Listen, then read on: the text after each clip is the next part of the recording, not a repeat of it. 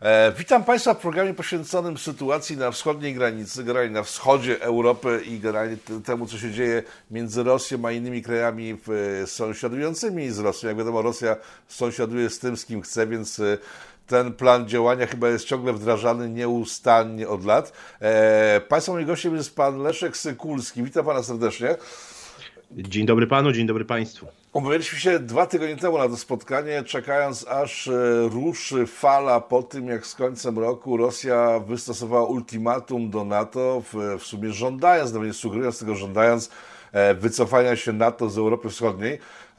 No i czekaliśmy na to, co z tego wyniknie. Wyniknęły spotkania na wysokim szczycie oraz wiele innych sytuacji. Zacznijmy może od początków. Czym było to ultimatum z końca zeszłego roku? Czyli raptem sprzed dwóch tygodni.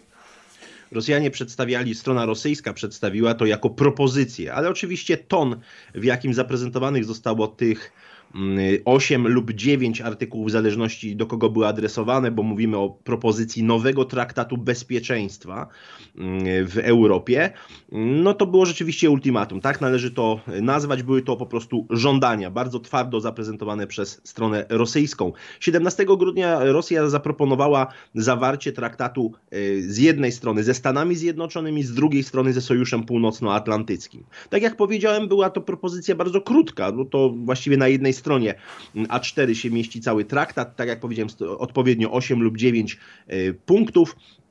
I tak naprawdę sprowadzało się to do trzech y, konkretnych żądań rosyjskich. To ultimatum zawierało się w trzech konkretnych żądaniach rosyjskich. Po pierwsze, y, wycofanie y, natowskich baz, wojsk natowskich z państw przyłączonych do Sojuszu Północnoatlantyckiego po 1997 roku. Po drugie, zobowiązanie się do nierozszerzania Sojuszu Północnoatlantyckiego dalej na wschód. Chodzi oczywiście przede wszystkim o Ukrainę i o Gruzję. I trzeci, e, trzecie żądanie, trzecie ultimatum dotyczyło nierozmieszczania, jak to określono, broni uderzeniowej czy broni ofensywnej, a właściwie broni, którą Moskwa by uznała za taką, która mogłaby zagrozić właśnie jej interesom. To oczywiście bardzo szerokie, pojemne pojęcie, które dawałoby Rosji no właściwie nieograniczone możliwości ingerencji w dyslokację broni, e, broni natowskiej.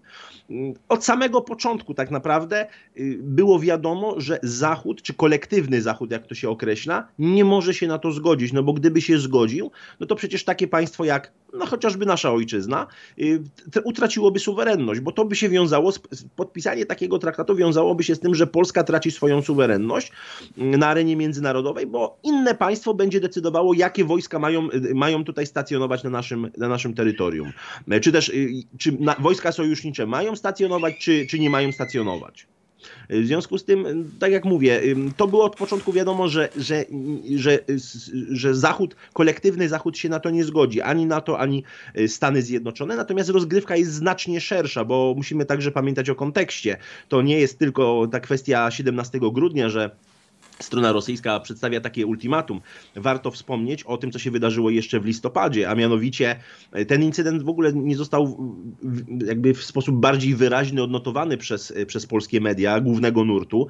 Mianowicie to, że Siergiej Ławrow, szef rosyjskiej dyplomacji, w listopadzie 2021 roku polecił opublikować korespondencję dyplomatyczną ze swoimi odpowiednikami mm, z Niemiec i Francji, czyli Heiko Maasem i Jean-Yves Le Drian.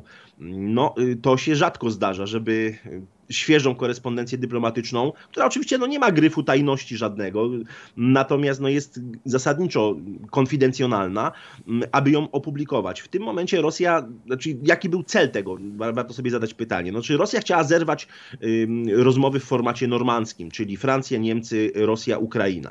Y, strona rosyjska uznała, że jest na tyle silna, a właściwie, że kolektywny Zachód jest na tyle słaby, i tutaj chyba należy to w taki sposób interpretować, że po prostu polityka amerykańska jest na tyle uległa, że Rosja może zacząć licytować, że może eskalować napięcie, że może stawiać większe y, żądania. No bo te rozmowy w formacie normandzkim tak naprawdę mm, ograniczały się do y, skali zastosowania porozumień mińskich, tych, które były wynegocjowane w roku 2014 i 2015.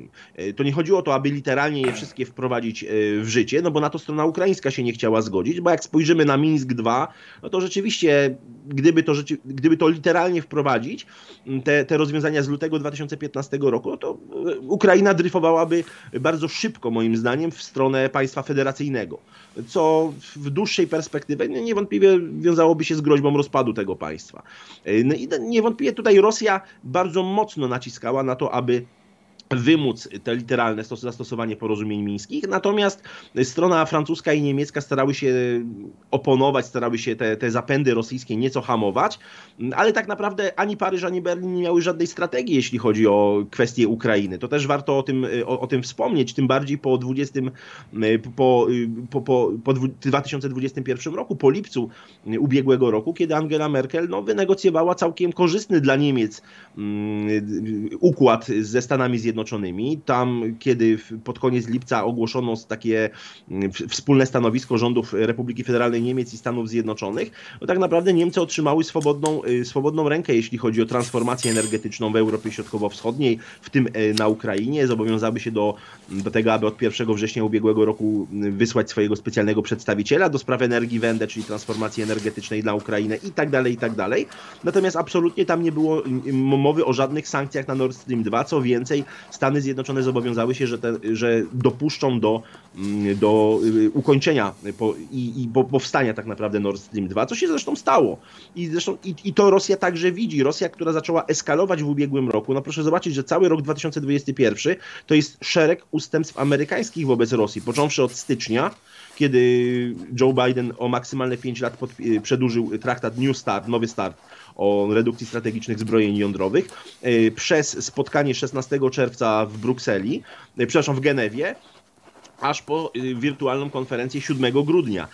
To, bardzo, to jest bardzo ciekawy mechanizm, kiedy Rosja zaczyna eskalować, kiedy w kwietniu gromadzi około 100 tysięcy żołnierzy w pobliżu granic Ukrainy, przychodzi zaproszenie od administracji nowego prezydenta amerykańskiego na rozmowy w Genewie które się zresztą odbywają, tak jak powiedziałem, 16 czerwca, gdzie Biden jak równy z równym rozmawia z Putinem, mimo że kilka miesięcy wcześniej nazywał go w jednej z telewizji amerykańskich mordercą. Mhm. E, kiedy Rosjanie w listopadzie ubiegłego roku znowu dokonują koncentracji potężnych zgrupowań, w tym pancerno zmechanizowanych przy granicy z Ukrainą, znowu przychodzi zaproszenie ze strony amerykańskiej i 7, 7 grudnia dochodzi do wideokonferencji. To też taka ciekawostka, mało które media w Polsce głównego nurtu to, to odnotowały że kiedy 7 grudnia skończyła się ta rozmowa między Bidenem a Putinem, y, na stronach amerykańskich y, ukazała się, y, ukazał się plan budżetu obronnego na rok 2022, w którym już nie było żadnych sankcji, mimo że mimo że tak naprawdę Izba Reprezentantów wprowadziła w pierwszym, że tak powiem, w pierwszym projekcie te, te, te sankcje i na Nord Stream 2 i na około 30 współpracowników Władimira Putina, w tym na Michaiła Miszustina, czyli na premiera Federacji Rosyjskiej. Ale już w poprawkach kongresu e, to przepadło i pytanie, czy to jest przypadek, że akurat 7 grudnia się ukazał e, ten plan budżetu, czy, czy, czy nie. W każdym razie widać tę uległą politykę amerykańską, próbę deeskalowania napięcia, napięcia, próbę dogadywania się z Rosją. I to jest moim zdaniem wszystko y, to można było moim zdaniem już przewidzieć. Ja o tym mówiłem w trakcie kampanii wyborczej w roku 2020 w Stanach Zjednoczonych, kiedy zaplecze eksperckie demokratów y, wyraźnie apelowało o głęboki dialog strategiczny z Federacją Rosyjską, apelowało o y, rozmowy w zakresie stabilności strategicznej. Proszę zobaczyć, że to jest, bardzo, to jest ulubiony termin dyplomacji amerykańskiej w relacjach y, z Rosją. Stabilność strategiczna. Rosjanie też bardzo szeroko operują tym terminem, a przecież w roku 2020, kiedy trwała na dobre kampania wyborcza w Stanach Zjednoczonych e, ukazał się list ponad 100 intelektualistów amerykańskich, w tym byłych dyplomatów w Moskwie, którzy apelowali właśnie o rozpoczęcie takiego strategicznego dialogu z Moskwą.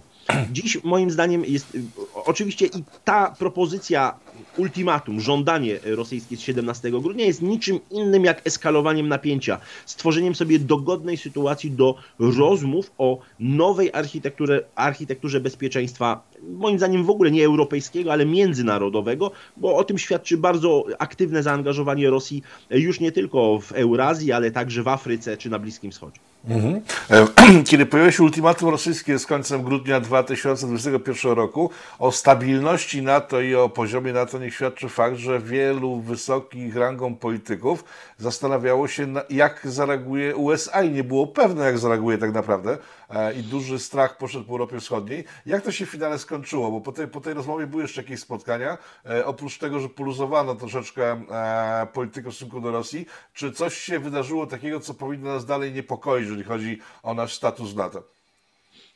No, w ubiegłym tygodniu mm, odbyło się szereg spotkań i tych bardzo formalnych, i takich kontaktów mniej formalnych, ale przede wszystkim trzeba wspomnieć o trzech bardzo istotnych mm, wydarzeniach, a mianowicie o szczycie Stany Zjednoczone Rosja, który odbył się w dniach 9-10 stycznia.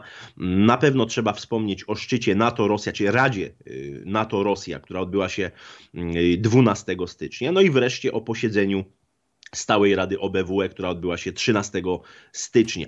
Mm, można powiedzieć tak, że nic konkretnego nie ustalono, to znaczy żadne, żadne konkrety nie, nie, nie padły, jeśli chodzi o ustalenia dotyczące nowego porządku międzynarodowego czy nowego nowej architektury bezpieczeństwa w Europie.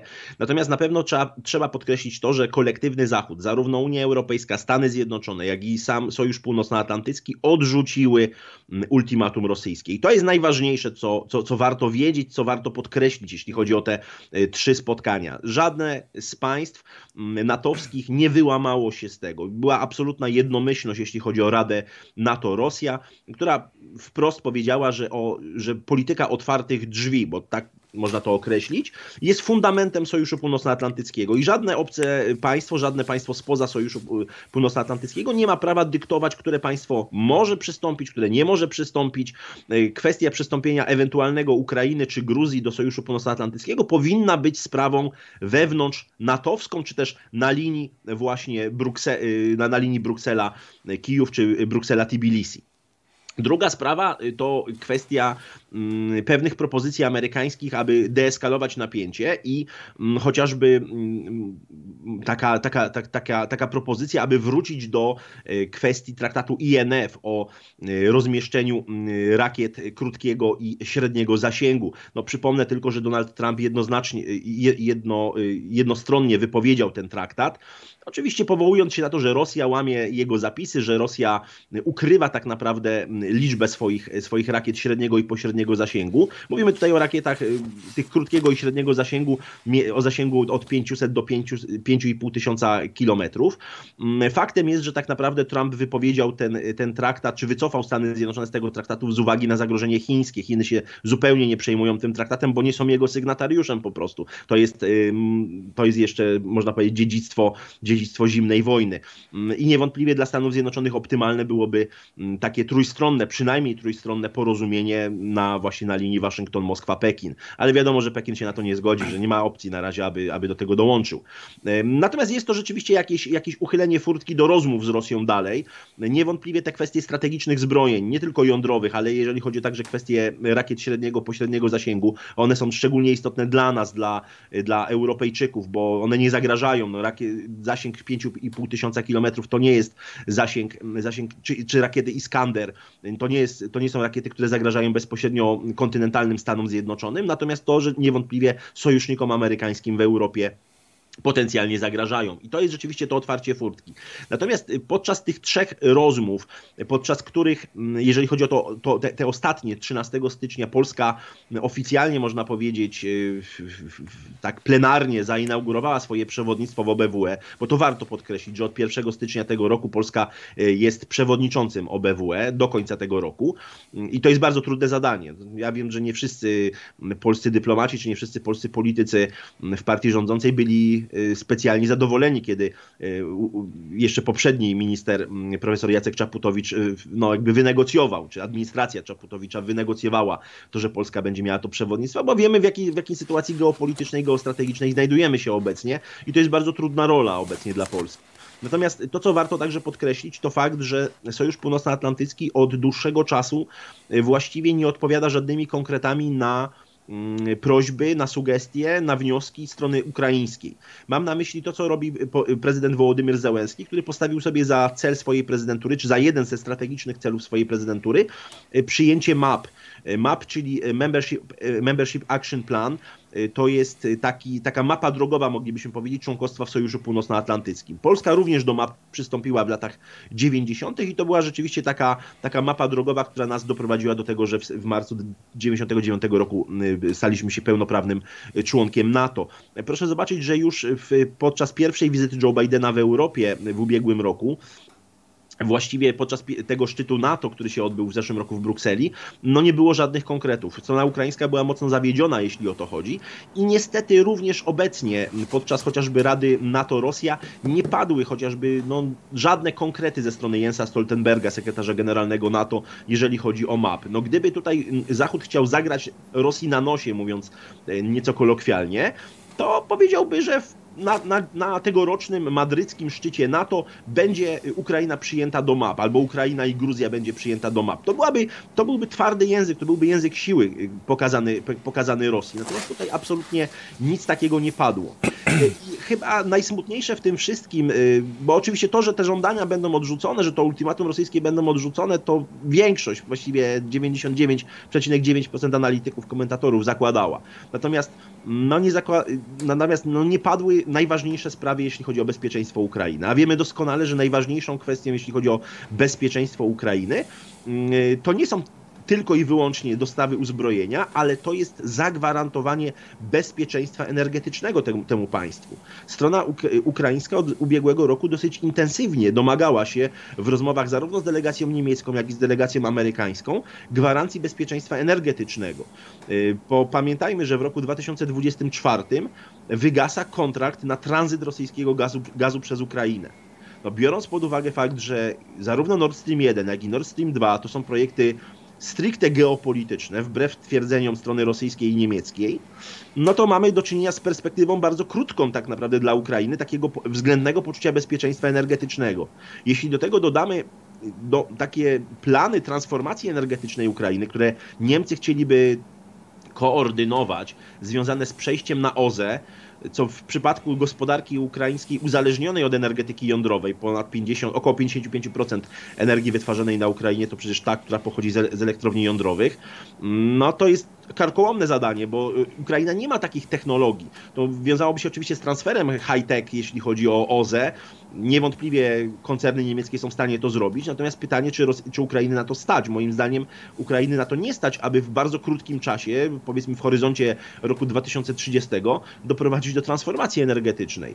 Mm, I, w, I tutaj nie padły żadne konkrety. Ani Angela Merkel, ani już nowy kanclerz Olaf Scholz no, nie, nie, pod, nie, nie dają żadnej konkretnej y, odpowiedzi na to. No, ja przypomnę tylko, że na początku tego, tego tygodnia, rozmawiamy 19 stycznia, w poniedziałek mm, Annalena Baerbock, liderka Zielonych, a jednocześnie nowa minister spraw zagranicznych Republiki Federalnej Niemiec, złożyła oficjalną wizytę w Kijowie. Mm, następnego dnia, wczoraj, 18 stycznia, odwiedziła także Moskwę. I to jest bardzo ciekawa wizyta, bo y, w Kijowie Annalena Baerbock wprost powiedziała, że y, Niemcy nie będą sprzedawały broni Ukrainie, że nie będą, bo padają oczywiście te oskarżenia pod adresem Niemiec. Dlaczego Niemcy blokują zakupy y, broni, broni przez Ukrainę za pomocą jednej z agencji natowskich, która zajmuje się właśnie wsparciem i logistyką. I wiemy, że już z doniesień chociażby niemieckiego Bild E, czy z wypowiedzi Oleksija Reznikowa, ministra obrony mm, e, e, Ukrainy, który dla Financial Times powiedział wprost, że to Niemcy blokują te dostawy broni. Jak się okazuje, od maja ubiegłego roku rzeczywiście, rzeczywiście była taka blokada robiona na, na szczeblu natowskim przez, przez Niemców i przez Holendrów. Myślę, że Holendrzy raczej pod naciskiem Niemiec dokonywali tej blokady. No, okazuje się, że Niemcy przyjęły taką strategię, strategię wyczekiwania, strategię postawienia na dyplomację, o czym zresztą minister Baerbock e, powiedziała w poniedziałek w Kijowie, że Niemcy stawiają na dyplomację i uważają, że dostawy broni mogłyby eskalować napięcie. Nawet jeżeli mówimy o tej broni czysto e, defensywnej, no, przeciwpancernej, czy przeciwlotniczej, czy przeciwdronowej, tak? E, więc widzimy tutaj politykę Niemiec, która jest nastawiona na strategiczne partnerstwo energetyczne z Rosją. Które no nie jest tylko i wyłącznie energetyczne, tak jak już powiedziałem. Moim zdaniem jest to mm, partnerstwo idące w kierunku mocno geostrategicznym, mocno geopolitycznym, mającym swoje jasne skutki geostrategiczne, no bo ta sytuacja na Ukrainie, która jest obecnie, ona będzie eskalowała. Moim zdaniem Rosja czuje się na tyle dzisiaj pewnie na arenie międzynarodowej, co jest wynikiem nie siły rosyjskiej gospodarki, chociaż te rezerwy walutowe rzeczywiście są całkiem, całkiem przyzwoite i ostatnie, i największe w ciągu ostatnich, y, ostatnich lat. Rosja ewidentnie przygotowuje się do mm, eskalacji napięcia na arenie międzynarodowej i pod kątem rezerw walutowych, i pod kątem y, zwierania szyków we władzy, i pod kątem działań na przestrzeni postsowieckiej i pod kątem żądań wysuwanych pod adresem Zachodu, wykorzystując słabość Zachodu. To nie chodzi o to, że Rosja jest najsilniejsza w dziejach dzisiaj, bo, bo nie jest. To trzeba uczciwie, e, uczciwie powiedzieć. Natomiast niewątpliwie Rosja wykorzystuje te procesy, o których nawet mówiliśmy. Ja z panem rozmawiałem mm, o II wojnie karabaskiej w roku 2020, pod koniec 2020 omawialiśmy sobie skutki tego. Ja wtedy mówiłem o policentryzacji świata, o tym, że, że ta hegemonia Stanów Zjednoczonych już nie jest absolutna, że Stany Zjednoczone nie, przestają pełnić rolę żandarma światowego, który może ingerować gdzie mu się tylko żywnie podoba. No, no nie może. No, jakby konflikt między Armenią a Azerbejdżanem pokazał, że mm, struktury kolektywne, kolektywnego Zachodu, chociażby OBWE, już nie miały tyle do powiedzenia, co w roku 1994 po I wojnie karabaskiej. Ani Francja, ani Stany Zjednoczone nie miały absolutnie takiej pozycji w listopadzie 20 roku, jak miały, jak miały w 1994. Mhm, y, Możemy szereg oczywiście podać innych przykładów związanych z polityką Turcji, chociażby w Libii, z polityką Turcji w Syrii, z tym, co się dzieje obecnie na Bliskim Wschodzie, z tymi napięciami, z zapowiedziami Izraela jednostronnej akcji przeciwko Iranowi, czyli uderzeniu Izraela na, na Iran, o czym wprost mówił i chociażby generał Kochawi, szef sztabu e, i Naftali Bennett, nowy, nowy premier Izraela i tak dalej, i tak dalej. Widzimy, że ta układanka się posypała, jeśli chodzi o ten taki Y, elegancki model jednobiegunowy po 1991 roku i mamy do czynienia niewątpliwie ze zmianą hegemoniczną, z, z kształtowaniem się nowej architektury bezpieczeństwa międzynarodowego, która potrwa co najmniej moim zdaniem jeszcze 10 lat. Mhm. Y, może się zakończyć szeregiem konfliktów lokalnych, wojen regionalnych nawet, moim zdaniem. Nie jest to wykluczone. Y, raczej mało prawdopodobne, aby doszło do trzeciej wojny światowej w znaczeniu takim, jak, jak obserwowaliśmy to, jak znamy to z kart historii z lat 39-45, ale seria wojen lokalnych, a także regionalnych jest całkiem, całkiem prawdopodobna moim zdaniem. Mhm. E, wspomniał Pan o BWE. Wczoraj zdaje się Rosjanie powiedzieli po tym właśnie jak Polska przyjęła w, e, przewodnictwo, że nie będą za bardzo się przejmowali BWE w trakcie, kiedy Polska będzie nim zarządzała. E, wspomniał Pan o w, polityce niemieckiej. Mieliśmy Pan ten incydent z brytyjskim samolotem, który e, miał zostać niewpuszczony w strefę w, niemiecką w związku z tym, że przewoził sprzęt dla Ukrainy. Jak ta sytuacja wyglądała i czy ona faktycznie wyglądała tak, jak przedstawiały ją media? Y, media powoływały się na źródło brytyjskie, na UK Defense Journal. Źródło wiarygodne, źródło, które dysponowały, dysponowało yy, zawsze, czy przeważnie wiarygodnymi, sprawdzonymi materiałami. Natomiast wczoraj, 18 stycznia, yy, późnym wieczorem, yy, ukazały się przeprosiny tego portalu tego czasopisma, przeprosiny z uwagi na y, nadinterpretację tego, tego zdarzenia. Mhm. Faktem jest, że rzeczywiście dwa samoloty C-17, brytyjskie samoloty transportowe, y, prze, przewożące sprzęt y, przeciwpancerny dla armii ukraińskiej, ominęły terytorium Republiki Federalnej Niemiec i przez Danię i przez, Polskie, przez Polskę dostarczyły ten sprzęt na Ukrainę, co stało się falą różnego rodzaju domysłów, spekulacji, dlaczego tak się stało. Mm, w, dziś wiemy, że Wielka Brytania nie wystąpiła o, o zezwolenie na przelot przez niemiecką przestrzeń powietrzną mm, i temat można byłoby właściwie zakończyć na tym, prawda? Jest sprostowanie, nastąpił błąd, jeśli chodzi o brytyjskie źródło. Szereg zresztą mediów w Polsce także podjęło ten temat.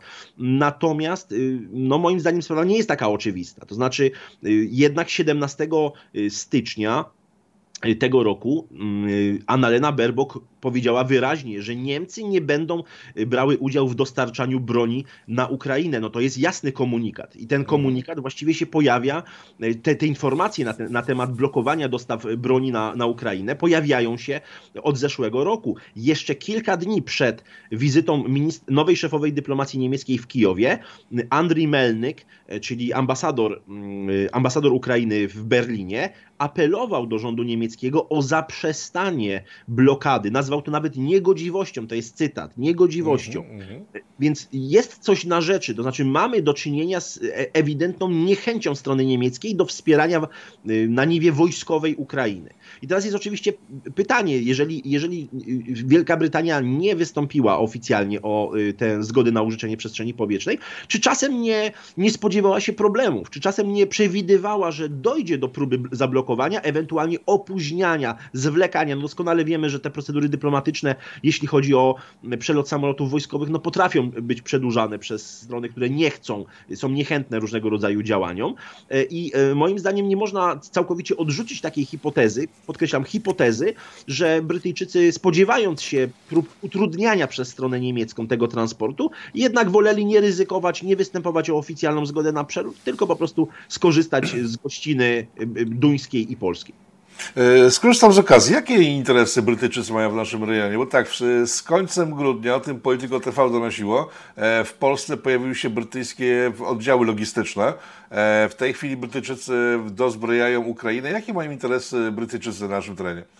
No, bardzo konkretne i to właściwie można powiedzieć mm, od y, nie dziesiątek, a od y, no, nawet, nawet dłużej, tak? Nie chcę mówić o setkach lat, no ale jeśli sięgniemy do XIX wieku, to myślę, że y, nie, nie zrobimy żadnego fopa geopolitycznego. Faktem jest, że Wielka Brytania zawsze grała na kontynencie w grę o równowagę w grę o równowagę. Chce równoważyć wpływy. I niewątpliwie dzisiaj Wielka Brytania chciałaby bardzo mocno zaszkodzić Federacji Rosyjskiej, chciałaby no, można powiedzieć, y, nieco przewrotnie, cudzymi rękami wyciągnąć kasztany z ognia. Chciałaby y, osłabić maksymalnie Rosję. Doskonale wiemy, że minister obrony, obecny minister obrony Zjednoczonego e, Królestwa, Ben Wallace, przecież oficjalnie zapowiedział, że brytyjscy żołnierze nie wesprą Ukrainy w przypadku ewentualnej pełnoskalowej agresji rosyjskiej. Co nie znaczy, że Wielka Brytania nie będzie dostarczać broni Ukrainie. I to jest niewątpliwie scenariusz bardzo wygodny dla Londynu, ponieważ pozwala wykrwawiać się stronie, stronie rosyjskiej, czy po, pozwala zadać więcej strat stronie rosyjskiej. Jeżeli chodzi o ten kontyngent logistyczny Wielkiej Brytanii, no ja myślę, że to jest nie tylko kontyngent logistyczny, myślę, że także e, wzbogacony o e, aktywa e, aktywa brytyjskich służb specjalnych, bo chodzi o rozpoznanie e, po prostu e, sił, e, sił środków rosyjskich, białoruskich czy Zjednoczonego Państwa Rosji i Białorusi. Wielka Brytania żywo interesuje się naszym regionem, bo jest bardzo istotny, jeśli chodzi o grę, równowagę, o, o równowagę w Europie. Co nie znaczy, tak jak powiedziałem, że Brytyjczycy będą angażowali swoich żołnierzy, bo to już wykluczył minister Wallace i wiemy, że tak nie będzie. Co nie znaczy, że, że Wielka Brytania nie będzie dostarczać broni, zwłaszcza tej broni defensywnej, czyli przeciwdronowej, przeciwpancernej przeciwlotniczej. To jest moim zdaniem bardzo prawdopodobne. Zobaczymy, jak się to będzie kształtować. Moim zdaniem wcale to nie był przypadek, że te samoloty C-17 przeleciały jednak przez Danię i przez Polskę. Myślę, że y, chcąc uniknąć skandalu dyplomatycznego, Wielka Brytania po prostu nie wystąpiła oficjalnie o, y, o zgodę na przelot przez, przez Republikę Federalną Niemiec.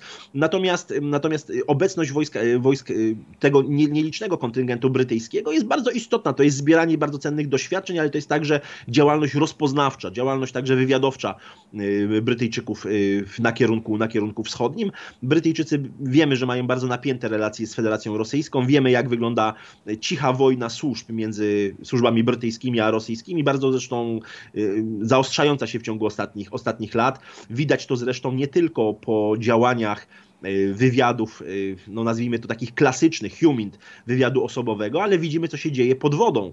Y, podwodna geopolityka, bo tak już się mówi na zachodzie, underwater geopolitics. Y, kiedy, kiedy doszło do uszkodzenia kabla łączącego Norwegię kontynentalną ze Svalbardem, y, czy z archipelagiem Svalbard. No bardzo poważna sprawa, ponieważ y, wiemy, że tych ponad 400 kabli, które oplata, oplata glob po dnach mórz i oceanów, no do, do, jest odpowiedzialnych za przepływ ponad 95, a niektórzy mówią nawet 97% danych, które są na świecie, że tak powiem, przekazywane. Uszkodzenie takiego podwodnego kabla, ewentualnie ewentualnie podpięcie podwodnego drona, który jest zdolny do szpiegowania, no, może wyrządzić potężne, potężne straty w przypadku działań wojennych, a nawet mm, y, y, hybrydowych. Ja nazywam to podwodną wojną hybrydową i możemy się spodziewać uszkodzenia takich, y, takich kabli. Kilka lat temu Angola została całkowicie odcięta od internetu, bo ktoś lub coś uszkodziło kabel na dnie Atlantyku. Straty byłyby nieprawdopodobne, gdyby rzeczywiście doszło do, do, do uszkodzenia takich kabli, chociażby przechodzących przez, przez północny Atlantyk. I doskonale zdaje sobie z tego marynarka wojenna Wielkiej, Wielkiej Brytanii. Zresztą już Sowieci od lat 60. rozwijają specjalne jednostki wojskowe nakierowane na tak zwane podwodne działania specjalne. Mówi się o tak zwanych jednostkach jednostkach specjalnego ryzyka, jeżeli chodzi o właśnie flotę podwodną. Jeden, jedna z takich jednostek elitarnych no, miała jej żołnierze przechodzili dokładnie takie same badania zdrowotne jak y, sowieccy kosmonauci. I do dziś ta jednostka zresztą istnieje. Istnieje zresztą specjalny zarząd y, działań głębinowych przy Ministerstwie Obrony. Zresztą elitarna, specjalna jednostka, która ma, dysponuje specjalnymi i okrętami podwodnymi, i nawodnymi, i aparatami bezzałogowymi. Y, oficjalnie do badań naukowych, no a nieoficjalnie wiemy, że to są działania szpiegowskie, ewentualnie działania dywersyjne. I tego się dzisiaj bardzo Zachód boi. Niewątpliwie Londyn się tego bardzo bardzo obawia. Nowy admirał, nowy mm, szef sztabu y, brytyjskich sił zbrojnych. Ostrzegł zresztą Federację Rosyjską na początku tego miesiąca, że przecięcie kabla podwodnego będzie, może być potraktowane jako casus belli, może być potraktowane jako przyczyna wojny. No i mhm. to się, ten wywiad się ukazał w Timesie weekendowym 8-9 stycznia, natomiast dzień wcześniej, 7 stycznia, doszło do przecięcia tego kabla łączącego no, no, Norwegię kontynentalną ze Svalbardem. Oczywiście nie ma żadnych twardych dowodów, że to Rosjanie zrobili, no ale patrząc na to, co się dzieje obecnie na świecie, nie wykluczam, że, że mogła być to prawda. Mhm. E, po co Rosji eskalacja w, z, z ostatniego półrocza, z ostatniego roku? E, czy chodzi tylko o Nord Stream, który był zagrożony w związku ze zmianą władzy w Niemczech? Amerykanie też mieli po swojej stronie pełną strasza, gdyż mówiono, mówiono o tym, że republikanie wymusili na demokratach blokowanie Nord Streamu w zamian za, e, w zamian za zgodę na rozmieszczenie wreszcie ambasadorów amerykańskich e, na, na, na, po całym świecie. E, czy to jest tylko kwestia Nord Streamu i przykrywka i wymuszenie budowy dalsze zakończenie Rosji de facto, czy coś jeszcze kryje się za e, eskalacją rosyjskich działań z ostatniego roku? Na poziomie geostrategicznym Rosji chodzi o e, podział stref wpływów, czy o nowy podział stref wpływów. To o to idzie gra. O to idzie gra. Rosja mm, zacieśniając relacje z Chinami, mm, wypuszczając informacje o możliwości dyslokacji żołnierzy i uzbrojenia mm, no, strategicznego, chociażby rakiet mm, w Ameryce Łacińskiej. Mówimy o Wenezueli, mówimy o Kubie, czyli powrót do 1962 roku, e, kryzys kubański. Ewidentnie eskaluje napięcie, chcąc wymóc na przede wszystkim Stanach Zjednoczonych nowy podział stref wpływów e, za, zagwarantowanie sobie powrotu, no, na pewno nie do odtworzenia Związku Sowieckiego, bo myślę, że do tego droga jest bardzo, bardzo daleka. Natomiast chodzi o zabezpieczenie e, interesów rosyjskich i w Europie przez e, korzystne kontrakty energetyczne, głównie gazowe, jak i zagwarantowanie sobie swobody działań w Azji Środkowej i na obszarze Europy Środkowo-Wschodniej. Rosjanie często używali kiedyś takiego terminu wielki limitrow. To jest takie pojęcie jeszcze w latach 90. stworzone przez rosyjskiego geopolityka, filozofa, filologa klasycznego Wadima Cymburskiego. W Polsce mało znana sprawa, coraz częściej, chociaż w środowisku fachowym się, się używa tego terminu, mm, to jest taka koncepcja zabezpieczenia Rosji na obszarze, można powiedzieć, takiego, mm, takiego łuku y, idącego, y, idącego od państw bałtyckich przez właśnie Polskę, y, kraje, no w ogóle kraje Grupy Wyszehradzkiej, przez dalej Morze Czarne, w stronę Morza Kaspijskiego, Południowy Kaukaz, Azja Środkowa aż po Mongolię. Mm, chociaż Mongolia to oczywiście taki bufor między Rosją a Chinami, bardzo ciekawy przypadek zresztą. Natomiast chodzi o zabezpieczenie tych interesów. Co to oznacza zabezpieczenie interesów rosyjskich? No krótko mówiąc, stworzenie szarej strefy bezpieczeństwa, wyłączenie maksymalnej liczby państw na obszarze wielkiego limitrofu z, z zachodnich bloków polityczno-militarnych. Krótko. I to zresztą widzieliśmy 17 grudnia w tej propozycji, y, w propozycji rosyjskiej. To jest nic innego jak próba stworzenia szarej strefy bezpieczeństwa. To wstęp właściwie do stworzenia szarej strefy bezpieczeństwa. Jeżeli się to nie udałoby Rosji, to oczywiście w, tym, w tej koncepcji wielkiego limitrowu mówi się o zastosowaniu różnych koncepcji, w tym koncepcji wojen buntowniczych, którą jeszcze w latach 60 stworzył rosyjski pułkownik Jewgenij Messner, a mianowicie próby, próby y, destabilizacji sytuacji politycznej, gospodarczej, y, społecznej w, w, państwach Wielkiego Limitrofu. I tego najlepszym przykładem jest Ukraina, no ale także z ostatnich, z ostatnich y, kilkunastu miesięcy myślę, że dobrymi przykładami jest także Białoruś i Kazachstan. Przecież doskonale wiemy, że to, co się wydarzyło na Białorusi, byłoby niemożliwe. Mówię o tych protestach w zakładach zbrojeniowych, zwłaszcza w zakładach przemysłu ciężkiego, przecież byłoby niemożliwe bez, bez zgody rosyjskich służb specjalnych specjalnych. Wpływy zachodnie nie sięgają aż tak daleko, żeby y, organizować strajki, protesty w zakładach produkujących y, uzbrojenie na potrzeby i wyposażenie na potrzeby sił zbrojnych Federacji Rosyjskiej. No, to, to wiemy, że to był element nacisku na Łukaszenkę, aby zgodził się podpisać 28 map y, programów integracyjnych jeszcze Miedwiediew przecież jako prezydent bardzo mocno naciskał na Łukaszenkę, a Łukaszenka chciał zachować bardzo dużym stopień autonomii w swoich rządach. Natomiast 9 sierpnia 2020 roku wybory nieuznane przez Zachód, y, liczne protesty, wspierane także przez Polskę.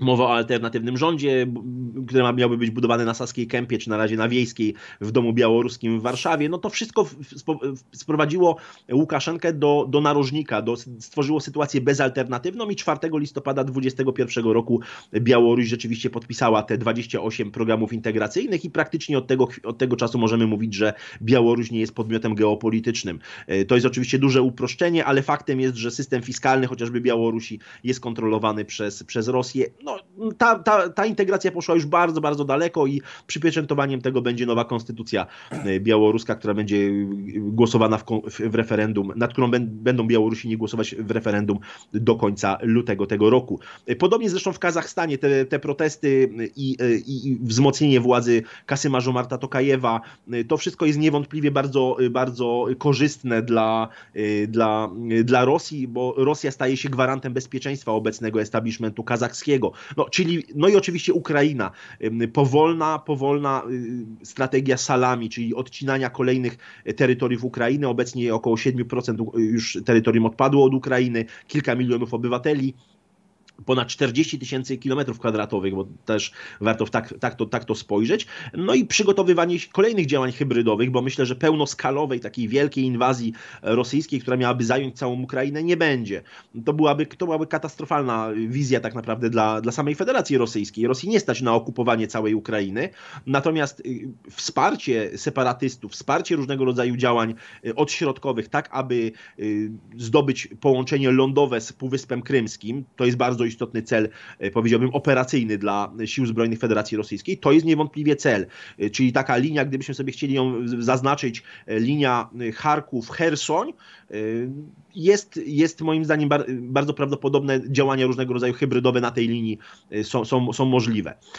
Zatem Rosji chodzi o to, aby stworzyć swoją strefę wpływów w Europie Środkowo-Wschodniej, w Azji Środkowej, na południowym Kaukazie, to się, zresztą te wpływy w Armenii się bardzo, bardzo umocniły. Myśmy o tym rozmawiali y, w 2020 roku jeszcze. Ja wtedy wskazywałem, że przecież Nikol Paszynian doszedł do władzy na, na tej fali takiej prozachodniej, antyros, no, a, antyrosyjskiej to może nie, ale dystans, dystansującej się wobec, wobec Rosji. A co się dzisiaj okazuje, że Nikol Paszynian jest wiernym sojusznikiem Rosji, który wysyła swój kontyngent w ramach y, ODKB, czyli Organizacji Układu o Bezpieczeństwie Zbiorowym do Kazachstanu, mhm. prawda? No doskonale wie, że bez pomocy rosyjskiej szybko jego rządy by się zakończyły.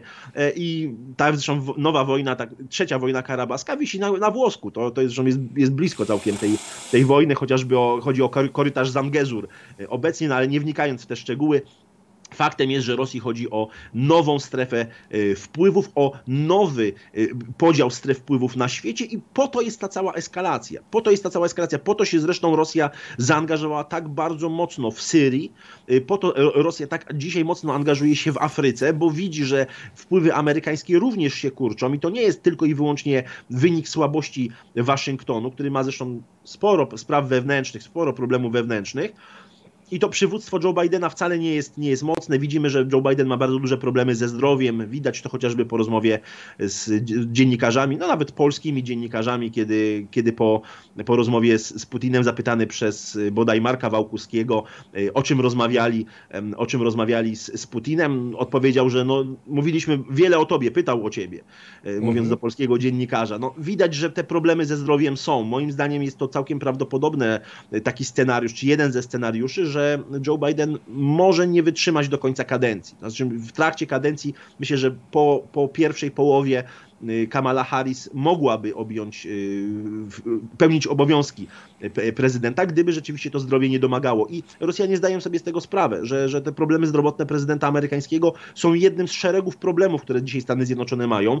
w tym problemów wewnętrznych, bo 6 stycznia ubiegłego roku szturm na Kapitol, zajęcie Kapitolu przez tłum, no pokazał, że te problemy wewnętrzne są i kiedy w połowie ubiegłego roku Stany Zjednoczone przyjęły pierwszą w swojej historii strategię przeciwdziałania terroryzmowi krajowemu, no też w ogóle takie określenie um, domestic terrorism, no bardzo ciekawe i tylko to, co za tym się kryje, kiedy się tam mówi o zwalczaniu białego supremacjonizmu i przeciwdziałaniu rozwojowi milicjom e, lokalnym, stanowym, które no, często są zwolennikami Trumpa i wiemy, jak to, jak to wygląda, nie uznają wy, prawdziwości wyborów, no widać, że te problemy wewnętrzne w Stanach Zjednoczonych są. I niewątpliwie takie państwa jak Chińska Republika Ludowa czy, e, czy Federacja Rosyjska chcą wykorzystać to na swoją korzyść i po prostu stworzyć po, podział stref wpływów, podzielić ten tort światowy już w, w kontekście takiego nowego koncertu mocarstw. I o to idzie gra. Mhm. Na koniec krótkie pytanie. Dziś dosłownie rano pojawiła się informacja, że Ukraina zablokowała tranzyt y, do Polski. E, w, sytuacji, kiedy Ukraina jest w przededniu wojny potencjalnej, a przynajmniej jest mocno zagrożona i wymaga chyba pomocy z zewnątrz, dość karkomna sytuacja i postanowienie ukraińskiego rządu. No myślę, że tak, tym bardziej, że mieliśmy do czynienia z takimi zapowiedziami tego typu działań już e, pod koniec roku 2021. Wtedy mm, rzeczywiście była ta blokada, mm, częściowa blokada tranzytu kolejowego, bo podkreślmy, że chodzi o tranzyt kolejowy, który który jest zdecydowanie mniej istotny dla gospodarki ukraińskiej niż tranzyt e, samochodowy. Natomiast faktem jest, że chodzi o udostępnianie dzisiaj, e, chodzi o wstrzymanie eksportu z Ukrainy do Polski w wagonach Ukrai kolei ukraińskich. O to chodzi.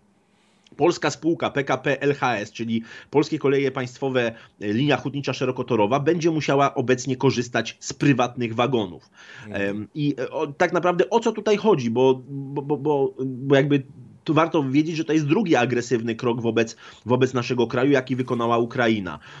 30 y, listopada 2021 roku nastąpiła blokada przewozów. Y, Ukraina próbowała i próbuje cały czas w ten sposób wymusić na Polsce zwiększenie kontyngentu zezwoleń na przewozy samochodowe przez Polskę. O to właśnie chodzi. To jest ta y, istotna sprawa. I teraz warto podkreślić, że tego typu blokada jest absolutnie sprzeczna z prawem międzynarodowym. Ja mam, mam na myśli kon konkretnie konwencję, która się nazywa umową o międzynarodowej kolejowej komunikacji towarowej. E, mamy także dwustronne porozumienia z, z Ukrainą, jeżeli chodzi o e, te porozumienia zawarte chociażby przez PKP LHS. No i e, przez tę ukraińską blokadę tracimy kontrakty na przewozy z Chin.